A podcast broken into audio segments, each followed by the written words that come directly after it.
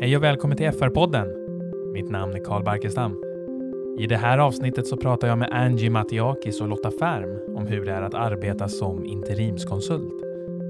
Angie arbetar idag som interim business controller och Lotta som interim CFO. Vi pratar om deras val att gå från fast anställning till att driva eget bolag som konsult, hur det var att starta upp sin egen verksamhet, vilka fördelar som finns och vilka utmaningar som det kan innebära. Avslutningsvis ger Angie och Lotta också lite tips till dig som är intresserad av att själv bli interimskonsult. Välkomna, så kör vi! Hej och välkommen till FR-podden. Här sitter jag tillsammans med Angie och Lotta. Välkomna! Tack så mycket. Kul att ni tog er hit, trots att det var lite regnrusk och liknande, men eh, ni klarade er. Kul att vara här. Ja, tack för att vi får komma hit och medverka. Ja, jag tänkte att eh, vi skulle börja med att låta er presentera er lite grann, vilka ni är och ja, lite var ni kommer från er bakgrund så att de som lyssnar eller tittar på det här lär känna er lite bättre. Så Lotta, skulle du kanske vilja börja? Ja, jag heter Lotta Färm. Jag kommer från Skåne från början. Kanske lite svårt att dölja. Eh, jag har jobbat som ekonom i hela mitt liv mer eller mindre. Hade lite annat i början av karriären. Hamnade i Stockholm efter en utlandssejour. Jag var som affärsområdescontroller i Ryssland för Ikea. Och så när jag flyttade hem därifrån så fick jag ett jobb i Stockholm och då hamnade jag här. Det varade inte så länge och sen efter det gick jag in i interimsbranschen som konsult och det är 12 år sedan nu. Okej, och vad, vilket uppdrag är du ute på nu? Eller Nu vilken är roll? jag på, som CFO på MSAB som är ett eh, börsnoterat bolag. Man ligger på Nasdaq Small Cap och man gör eh, programvara, software som polisen använder när de plockar ut data ur mobiltelefoner. Okej. Och Angie, berätta lite Ja. om dig själv. Eh, Angie Matiakis heter jag, eh, grekisk eh, påbrå, Eh, men eh, född och uppväxt största delen av mitt liv i Stockholm, eh, men även bott i Grekland i åtta år när jag var yngre. Privat, tre, två barn, bor i Segeltorp, gift och varit ekonom största delen av mitt liv också, främst som anställd, men senaste året har gått in i konsultspåret och är egen konsult. Okej. Så du är ny i eh, interimskonsultslängan kan man kalla det? Det stämmer bra det. All right. Men kanon, då tycker jag att vi direkt ska dyka ner i dagens ämne som handlar just om att hur livet är, eller hur arbetet och livet är som interimskonsult. Så Angie, du som är, har hållit på med det här i ungefär ett år, vad var det som fick dig att eh, välja att ta interimspåret? Ja, det som fick mig främst att byta spår från anställning till konsult var väl mest att jag som i min personlighet hade svårt att vara kvar på ett och samma jobb mer än en, en viss tid. Utan kände ganska snabbt när det hade gått ett, ett och ett halvt år att jag behövde hela tiden nya utmaningar och mer utveckling i de bolagen jag var. Oftast fanns det kanske inte det utrymmet för att växa så pass snabbt i ett och samma bolag. Så då valde jag oftast att kliva av och gå och söka nästa jobb. Vilket också medförde att dels cheferna som man hade i sin nära krets blev ganska besvikna när man bara hade man varit kvar i ett, ett och ett halvt år. Man hade personal som blev besvikna. Eh, och även den typen av tjänster som jag främst brinner för och tycker är intressanta. Mer i form av att det är, ja, men det är lite stökigt, det är lite råddigt, det finns att göra, man måste kavla på armarna och köra ganska hårt. Den typen av tjänster kanske inte alltid kommer ut i anställningsformat. Så jag upptäckte rätt snart där att jag missar ju en stor del av det som jag faktiskt är intresserad av just för att jag söker anställningar. Eh, utan det kändes mer naturligt att de typen av uppdrag kommer ut som interimsuppdrag. Eh, så det var väl mest det jag som fick mig att, att byta spår. Eh, vilket också jag tycker har varit eh, väldigt härligt att, känna på och jag tycker att det har blivit betydligt bättre i och med att folk blir ju inte lika besvikna, de är bara glada när du förlänger. Även om man bara är där ett halvår eller ett år så känner de sig väldigt tacksamma för det jobbet du har lagt ner och gjort under den tiden du är där. Eh, Så jag tycker det blev klockrent val. Ja. Och Lotta, hur länge har du nu varit interimskonsult? Jag har varit interimskonsult i snart 12 år. Okej. inne på mitt tolfte år. Vad var det som fick dig där att för 12 år sedan men det var, det var lite samma sak. Det var ju att jag, jag gillar också utmaningar. Jag gillar också att lösa problem och jag har jobbat i eh, verksamheter som anställd. Men jag var med och byggde en fabrik i Ryssland och eh, så jag har haft liksom utmaningar i mitt, eh, även när jag var anställd. Men sen är det just det här med att jobba med förändringsarbete och det kan du oftast inte göra som anställd speciellt länge för det är ingen organisation som orkar med det. Utan de, organisationen behöver ju vila emellan varven. Och sen eh, är det också att är du konsult så står du utanför det här politiska spelet som det ofta är i företag. Alltså du, kan, du kan säga vad du tycker, du kan vara rak, du behöver liksom inte ta del i det. Mm, jag förstår. Det låter som att ni båda har lite den här personligheten av att ni vill ha nya saker och ni vill driva mm. på och ha lite förändring. Eh, är det det som är det roligaste med att vara konsult? Eller eh, vad är det, roligast? För min del så är det nog det som är det absolut roligaste. Ja. Tycker jag. Att få gå in och vara med under ett förändringsarbete och sen när det, eh, när det rullar på och det känns som att det har satt sig och processerna är på plats. Att man kan kliva av och lämna över till någon mer förvaltande typ som tycker att det är roligt att underhålla det istället. Ja. ja, det låter lite som det som du pratar om, vila, att organisationer mm. behöver vila också. Mm. Det behöver ju sätta sig, alltså det man gör, du ett förändringsarbete så behöver det ju sätta sig. Alltså de behöver ju liksom få lugn och ro så att allting stabiliserar sig. Men sen tycker jag det är kul, alltså även nu har jag haft en del uppdrag där jag har gått in och täckt upp det som har varit ganska korta, kanske fem sex månader, där man gått in och täckt upp eh, under en rekrytering. Och då drar man kanske inte igång ett stort förändringsarbete, man kan peta lite småsaker, för det är ju oftast en ny som du tar inte fram ett nytt liksom, rapportunderlag och sånt utan det överlåter man ju till nästa om det inte är uttalat att man behöver det. Eh, men då är ju ändå fördelen att, eh, att oftast kommer man in i en ny bransch. Man, även om jobbet är mer eller mindre detsamma, men det är ändå ett nytt system och nya rutiner och sånt man behöver lära sig. Och sen så lär man sig ju vad det bolaget håller på med. Och det finns väldigt många nischade bolag, väldigt många små bolag som har kanske 500 miljoner i omsättning och som är världsledande som finns i Sverige. Det är rätt fantastiskt tycker jag, som man aldrig har hört talas om. Men de är en väldigt smal nisch. Ja. Jag kan anta att det är mycket olika system som ni behöver lära er jämfört med om man kanske sitter i en och samma roll eh, länge på samma bolag. Skulle ni säga att ni har blivit lite så här tech, system-savvy nu? Jag är inte speciellt bra på det. Nu har jag mest haft CFO-roll och då är du inte inne så mycket i systemen utan då har man mer man får det man vill ha. Ja. Någon annan som tar fram det. Så ja, precis. Mm. För min del så jag gillar den tekniska delen av ekonomin också. Jag har drivit implementationer, systemimplementationer själv också eh, i tidigare roller. Jag, jag tycker att den delen är fantastiskt kul. Och jag har nog inte varit på ett jobb som har haft samma system som något annat. Eh, sen kan jag inte säga att alla system skiljer sig jättemycket eh, åt i alla fall. Man lär sig ganska snabbt var man hittar sakerna. Men eh, som sagt, jag tycker att den delen är väldigt rolig också. Så mm. jag ger mig gärna på att lösa lite systembitar om jag får. Ja, ja jag förstår. En sak som ni pratar båda om, är lite, eller speciellt du Angie, om att människor blev lite ska man säga, ledsna när du var permanent och bytte bolag för att du gillade att flytta och röra på dig. Hur känner du att det är med interaktionen på bolag med liksom, de permanent anställda, dina kollegor. Hur, hur är din roll som konsult där? Hur upplever du den? Jag tror att det är mycket vad man gör det till. Om man, eh, om man själv inte vill medverka i en konstellation av anställda på bolaget och vill känna sig utanför så tror jag att man lätt hamnar utanför. Men eh, jag, som sagt, jag är ett nystartat bolag och har varit konsult endast i ett års tid och haft ett och samma uppdrag under den tiden. Och jag kan inte säga att jag känner mig utanför gemenskapen på, eh, på mitt uppdrag just nu utan jag känner mig som en av de anställda i gruppen. Eh, men jag tror att det är lite vad du gör det till också. Om du vill bete dig som en klassisk konsult och vill vara utanför kanske eller om du vill interagera och vara en del av det. Mm. Så jag har aldrig känt mig diskriminerad eller vad man ska säga som konsult. Nej, precis.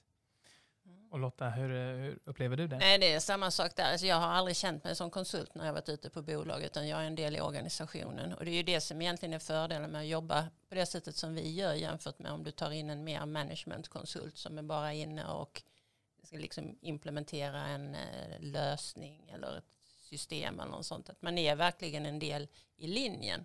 Och jag har ju oftast haft eh, personal som rapporterar till mig också. Och man kan säga från alla uppdrag jag har haft så har jag personer som jag fortfarande har kontakt med, som, alltså privat. Som, vissa har blivit nära vänner och andra vi har lite mer sporadiskt men vi har kontakt. Ja, för att jag kan tänka mig att det finns en liten oro eh, bland människor att, att, att jobba som konsult, att man aldrig har någon fast punkt eller just kanske mest den här mänskliga faktorn, att man skulle känna sig utanför. Men det låter inte som att var, någon av er har upplevt Nej, det. Jag tycker man får, nu har inte jag haft så många konsultuppdrag men jag har bytt jobb väldigt frekvent och jag kan säga också att jag har behållit kontakten med väldigt många gamla kollegor och jag tycker att klickar du väl med en kollega på en arbetsplats, de kan man ju behålla som vänner och bekanta och träffas även privat i efterhand. Det behöver inte vara att du måste stanna kvar på ett och samma jobb för att umgås med de människorna du tycker om. Ja. Så jag, jag tycker att det är fantastiskt att man får väldigt många fler kontaktytor när man byter antingen jobb eller om du har flera uppdrag eh, på det sättet. Mm. Ja, och eller? Ja, men, men det ställer ju krav på en själv också att man, det är ju inte att man behöver jobba på det och liksom komma in i gruppen och vara öppen. Och, ja. mm, absolut. Ni båda arbetar ju utifrån ert eget bolag. Det har jag förstått korrekt. Mm. Så ni driver ja. eget. Och det finns ju en, intress en väldigt intressant faktor där.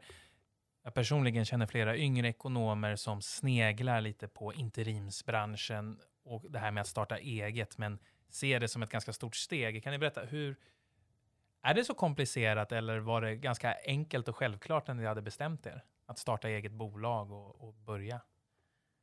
Nej, det för mig var det, jag hade redan ett bolag för jag hade gjort lite eh, konsultuppdrag tidigare så det var egentligen bara att aktivera det eller aktivera och aktivera, alltså det var ju aktivt utan jag ja. hade ju ett bolag så det var ju bara liksom att, nu tar jag ett konsultuppdrag och sen börja fakturera. Ja, precis.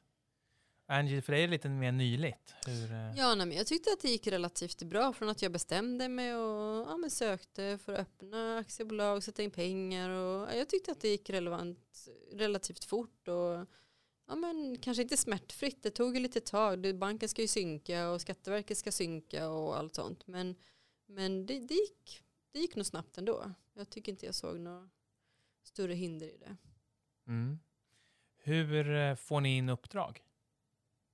Du kanske vill få, eller hur fick du in ditt konsultuppdrag? Ja, alltså jag är anknuten till kanske ett 20-tal eh, rekryterings bemanningsföretag inom konsult, eh, ja, konsultuppdrag. Så jag har ju varit på intervjuer på alla konsult, olika konsultfirmor och eh, de har mitt CV och de ringer med jämna mellanrum och checkar läget.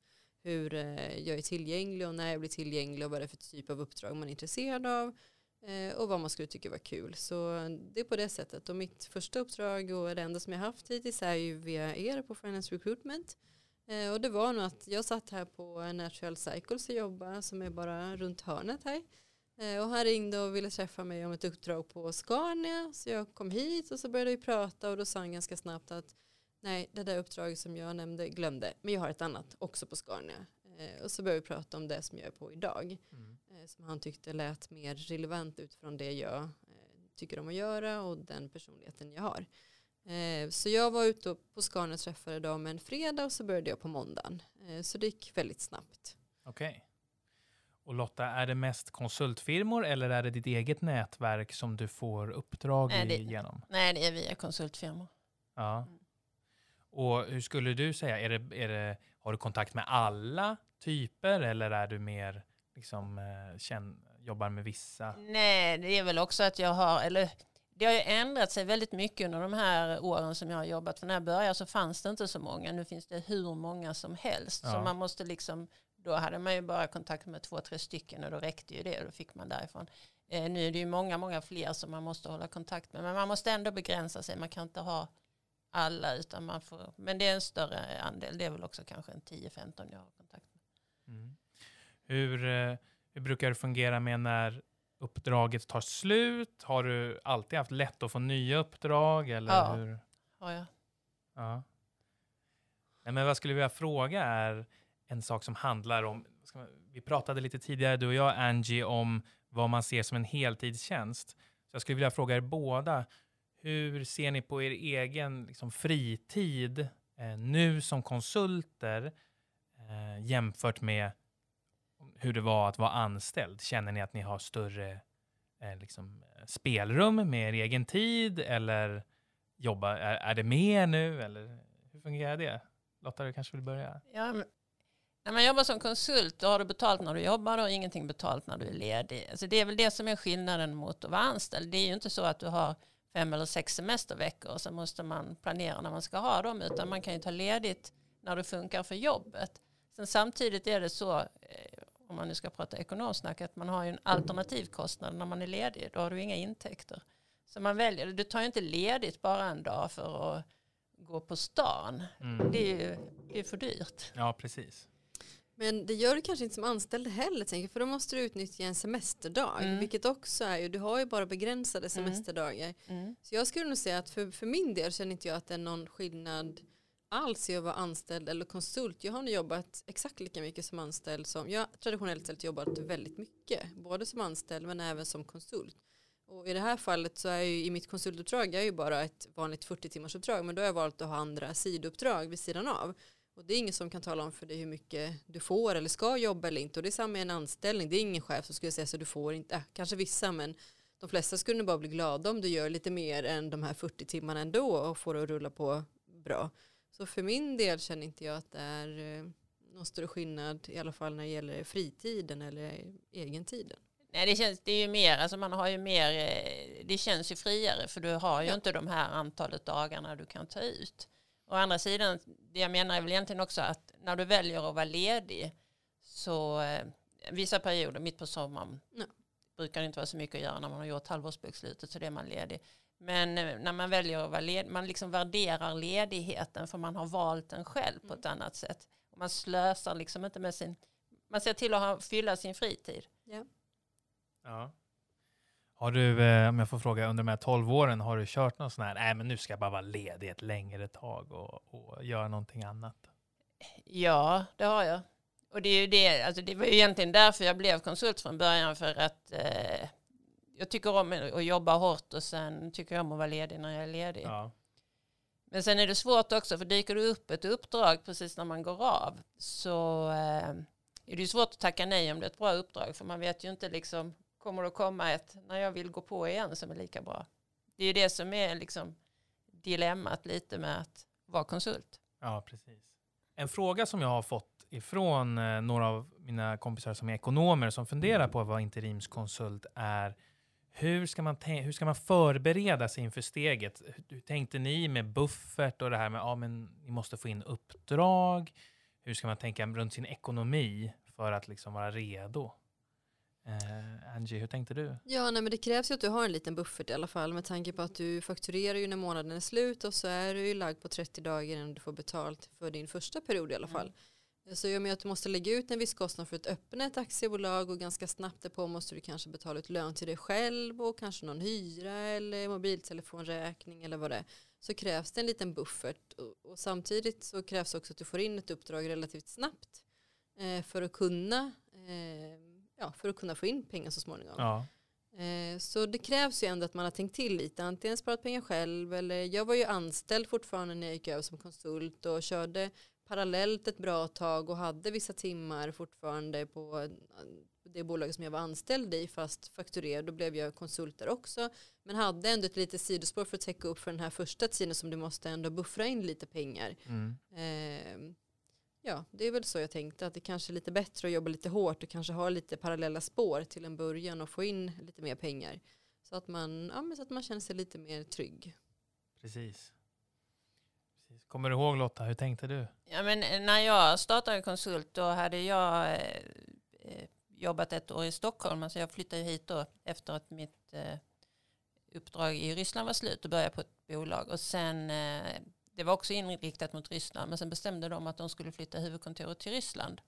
Och då hade jag precis flyttat hem så jag kände inte att jag ville flytta med. Så att jag hade ju ett avgångsvederlag och jag hade liksom ingenting att förlora. Nej. Utan då kan man liksom hoppa på ett interimsuppdrag och testa hur det känns. Det är ju skillnad att säga upp sig från en anställning och gå in och bli konsult kan jag tänka. För att du har ju, oftast är det ju väldigt snabbt, alltså det är ju inte så att eh, du får ett interimsuppdrag om en, två, tre månader, utan Nej. det är ju här och nu. Så att du, du behöver ju säga upp dig om du bestämmer dig för att du ska bli konsult och vara tillgänglig när det dyker upp. Och då säger du upp dig utan att ha någonting, så då behöver man ju ha en buffert.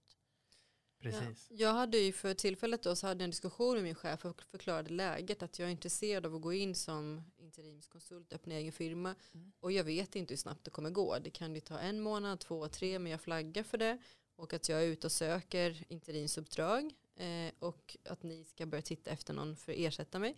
Men självklart är jag kvar tills ni har hittat relevant person och kommer alltid stötta liksom så. Och tar det för lång tid och ni hinner hitta någon innan jag hinner hitta ett uppdrag, men då får det ligga på mig. Då är det my loss. Men hittar ni någon efter så kan jag stötta under tiden och ändå göra det jag hade tänkt göra. Mm. Eh, Det var så jag hanterade det i alla fall. Och det blev så att jag fick backa, eh, backa dem ett tag tills de hade hittat rätt person. Precis. Precis. Vad skulle ni säga är det tuffaste med att vara interimskonsult? Eller vad, vilka, det finns fördelar, men det finns, antar jag, som allting, en annan sida av myntet. Alltså det kräver, varje gång du går in i ett nytt uppdrag så kräver det ganska mycket av dig. Alltså du måste investera, det tar väldigt mycket kraft du ska sätta dig in. För du har, liksom, du har krav på dig att du ska leverera från dag ett. Det är ingen smekmånad, det är ingen upplärning, det är ingen introduktion. Utan det är liksom några dagar, här är jobbet, här är din plats, börja jobba i princip. Det är inte som när du kommer nyanställd på ett jobb och ska träffa alla och gå runt och inte behöver leverera så mycket första månaden. Utan du ska leverera från dag ett så du måste sätta dig in i det snabbt. Du måste komma in i det. Du måste lära känna alla. Du kan, det kan vara lite sådär. Och här kommer en konsult och vem är det och sånt. Alltså du måste lägga väldigt mycket, investera mycket i relationer. Både till medarbetarna på avdelningen och till andra avdelningar som du jobbar med och chefer och så. Så att det tar, det tar på krafterna och liksom starta upp. Mm. Ja, och jag håller helt med. Samtidigt som, som jag har generellt sett bytt också anställningar varje ett, ett och ett halvt år. Och det är ju på samma sätt. Du måste lägga energi oavsett om det är ett nytt jobb eller ett nytt uppdrag. Så har det varit så för mig ganska lång tid. Så jag ser inte någon jätteskillnad heller i det här med att gå in i ett uppdrag som att gå in i en ny anställning. Men varje nystartat bolag är ju såklart, varje ny tjänst och nytt uppdrag är ju lite, det tar ju lite kraft och man måste ju visa vad man går för och så är det ju allting. Men jag tror att det är den typen av personligheten vi har också, Mm. att vi gillar att leverera. Jag tror att det finns massa konsulter som känner att nej, men jag ska ha en introduktionsmånad minst och sen kanske jag kan börja leverera. Så jag tror att det har kanske mer med, med den personligheten som jag och Lotta verkar ha, att vi vill gärna leverera från dag ett och visa att om jag, om jag får betalt för de här timmarna då ska, jag, då ska jag göra något vettigt också för de timmarna jag sitter här. Ja. Med tanke på att ni har eh, varit i så många olika typer av organisationer, antagligen olika branscher eller kategorier.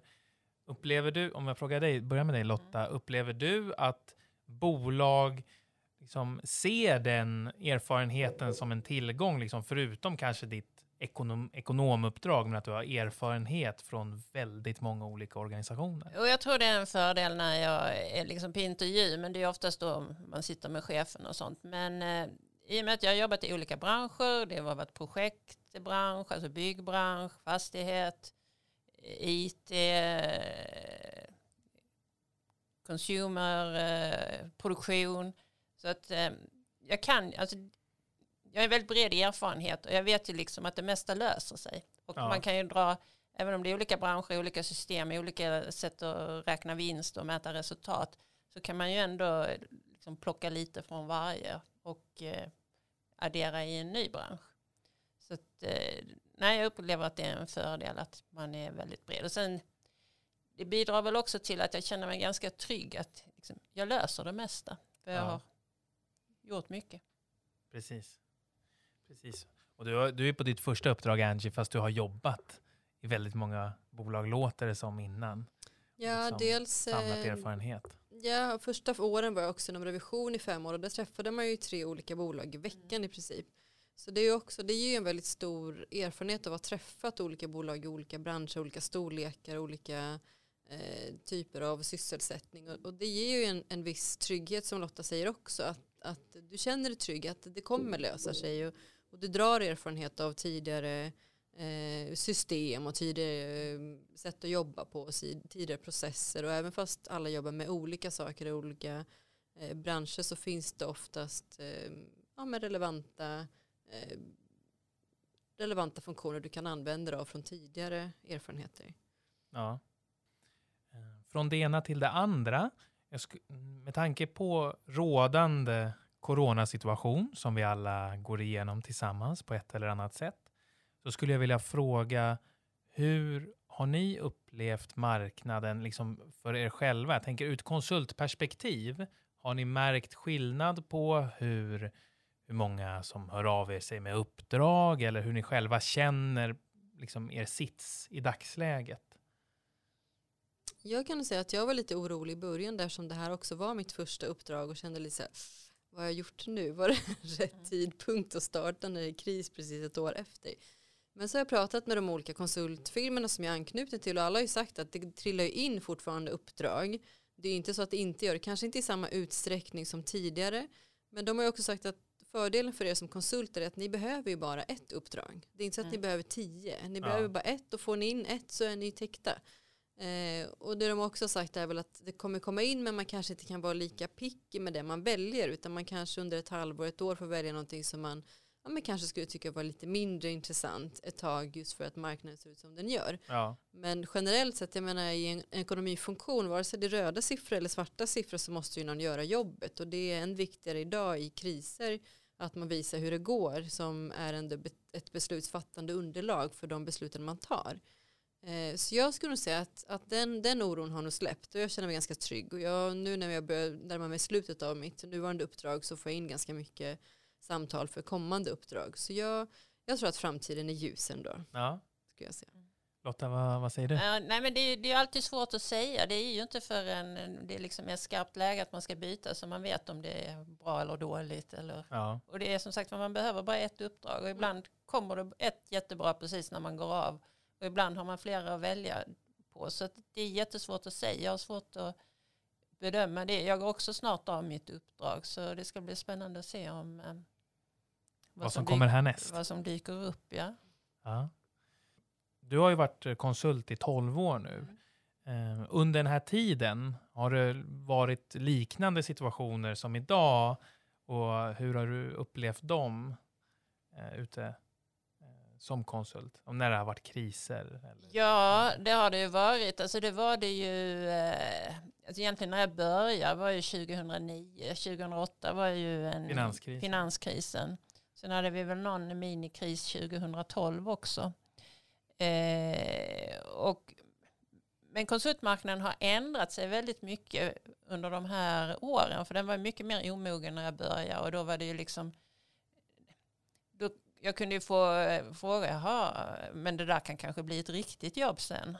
Aha. Och nu är det mycket mer eh, liksom etablerat att jobba som konsult. Och liksom, du säger själv att du får yngre som frågar efter hur är det att vara konsult.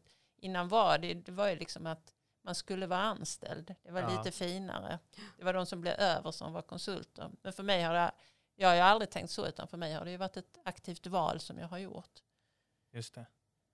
Ni får köpa era egna guldklockor där vid, ja. vid, ja, ja, ja. vid 30-årsstrecket. Eh, jag tror mm. det. Ja, men eh, det här låter ju kanon. Avrundningsvis så skulle jag vilja ställa er en fråga.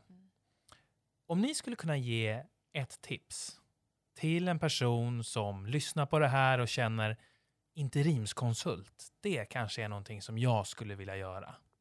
Vad skulle det tipset vara för någonting? Jag skulle rent spontant säga att man kan ju alltid testa det. Och gillar du inte det så finns det anställningar att gå tillbaka till. Men eh, det är värt att testa och känna efter själv vad man tycker om det. Och är man sån som person som gillar lite utmaningar, gillar lite att komma in i nya miljöer och Ehm, ändra arbetsuppgifter, se nya saker så tycker jag att det, är, att det är väldigt positivt att vara konsult. Ja. Ja, jag håller med där. Det är just det att eh, det är bara att testa. Men sen så skulle jag nog samtidigt eh, vilja peta in en liten brasklapp. Att är man för junior så man behöver ha lite liksom kött på benen, man behöver ha lite erfarenhet, haft några olika jobb tror jag. För är man för junior är det lätt att man bara kommer in i de här redovisnings eller levereskontran, kundreskontratjänsterna och du får ingen utveckling.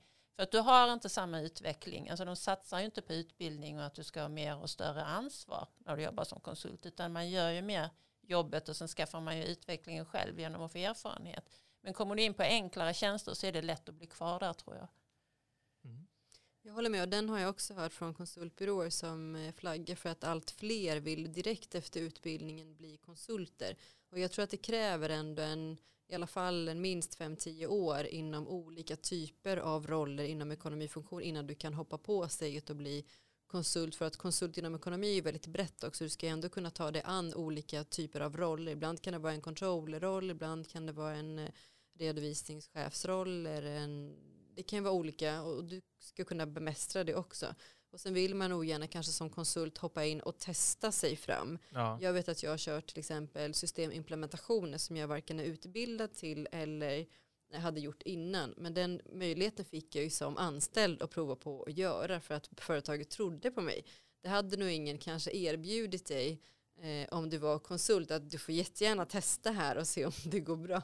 Ja, precis. Så jag tror att man måste ha testat sig fram i lite olika situationer och relevanta roller innan man känner sig tillräckligt trygg för att hoppa på en konsultroll för att kunna leverera också enligt önskemål. Ja. Det är ju också ofta så tycker jag att man kommer in där man är lite över sin nivå. Alltså du skulle, jag, oftast på de uppdragen jag har, jag skulle aldrig ta det som om jag har blivit erbjuden en anställning, vilket jag oftast blir, för att då tycker att det är för låg nivå. Men du kan ta det som konsult, för att du lär dig ändå något nytt på varje ställe. Ja. Så det måste man också ha med Du kommer, liksom inte in, du kommer inte in på ett uppdrag som är lite över din nivå. Det kan du göra om, om du blir anställd, att om man liksom, ja, men den här personen kan utvecklas och växa in i rollen. Det kan du inte räkna med som konsult, utan där är det tvärtom att du ligger lite över nivån skaffa sig lite gedigen erfarenhet mm. helt enkelt ja. innan man ger sig in i racet. Mm. Men kanon! Då får jag säga så här, tack så jättemycket för att ni eh, ville komma hit tack den här själv. fredagen mitt i stormande pandemi och, och snö. Och, och, och, snö i maj. Ja, snö i maj. Tack så jättemycket Angie och Lotta för att ni kom och jag får önska er en fantastisk helg. Tack detsamma. Tack för att vi fick komma.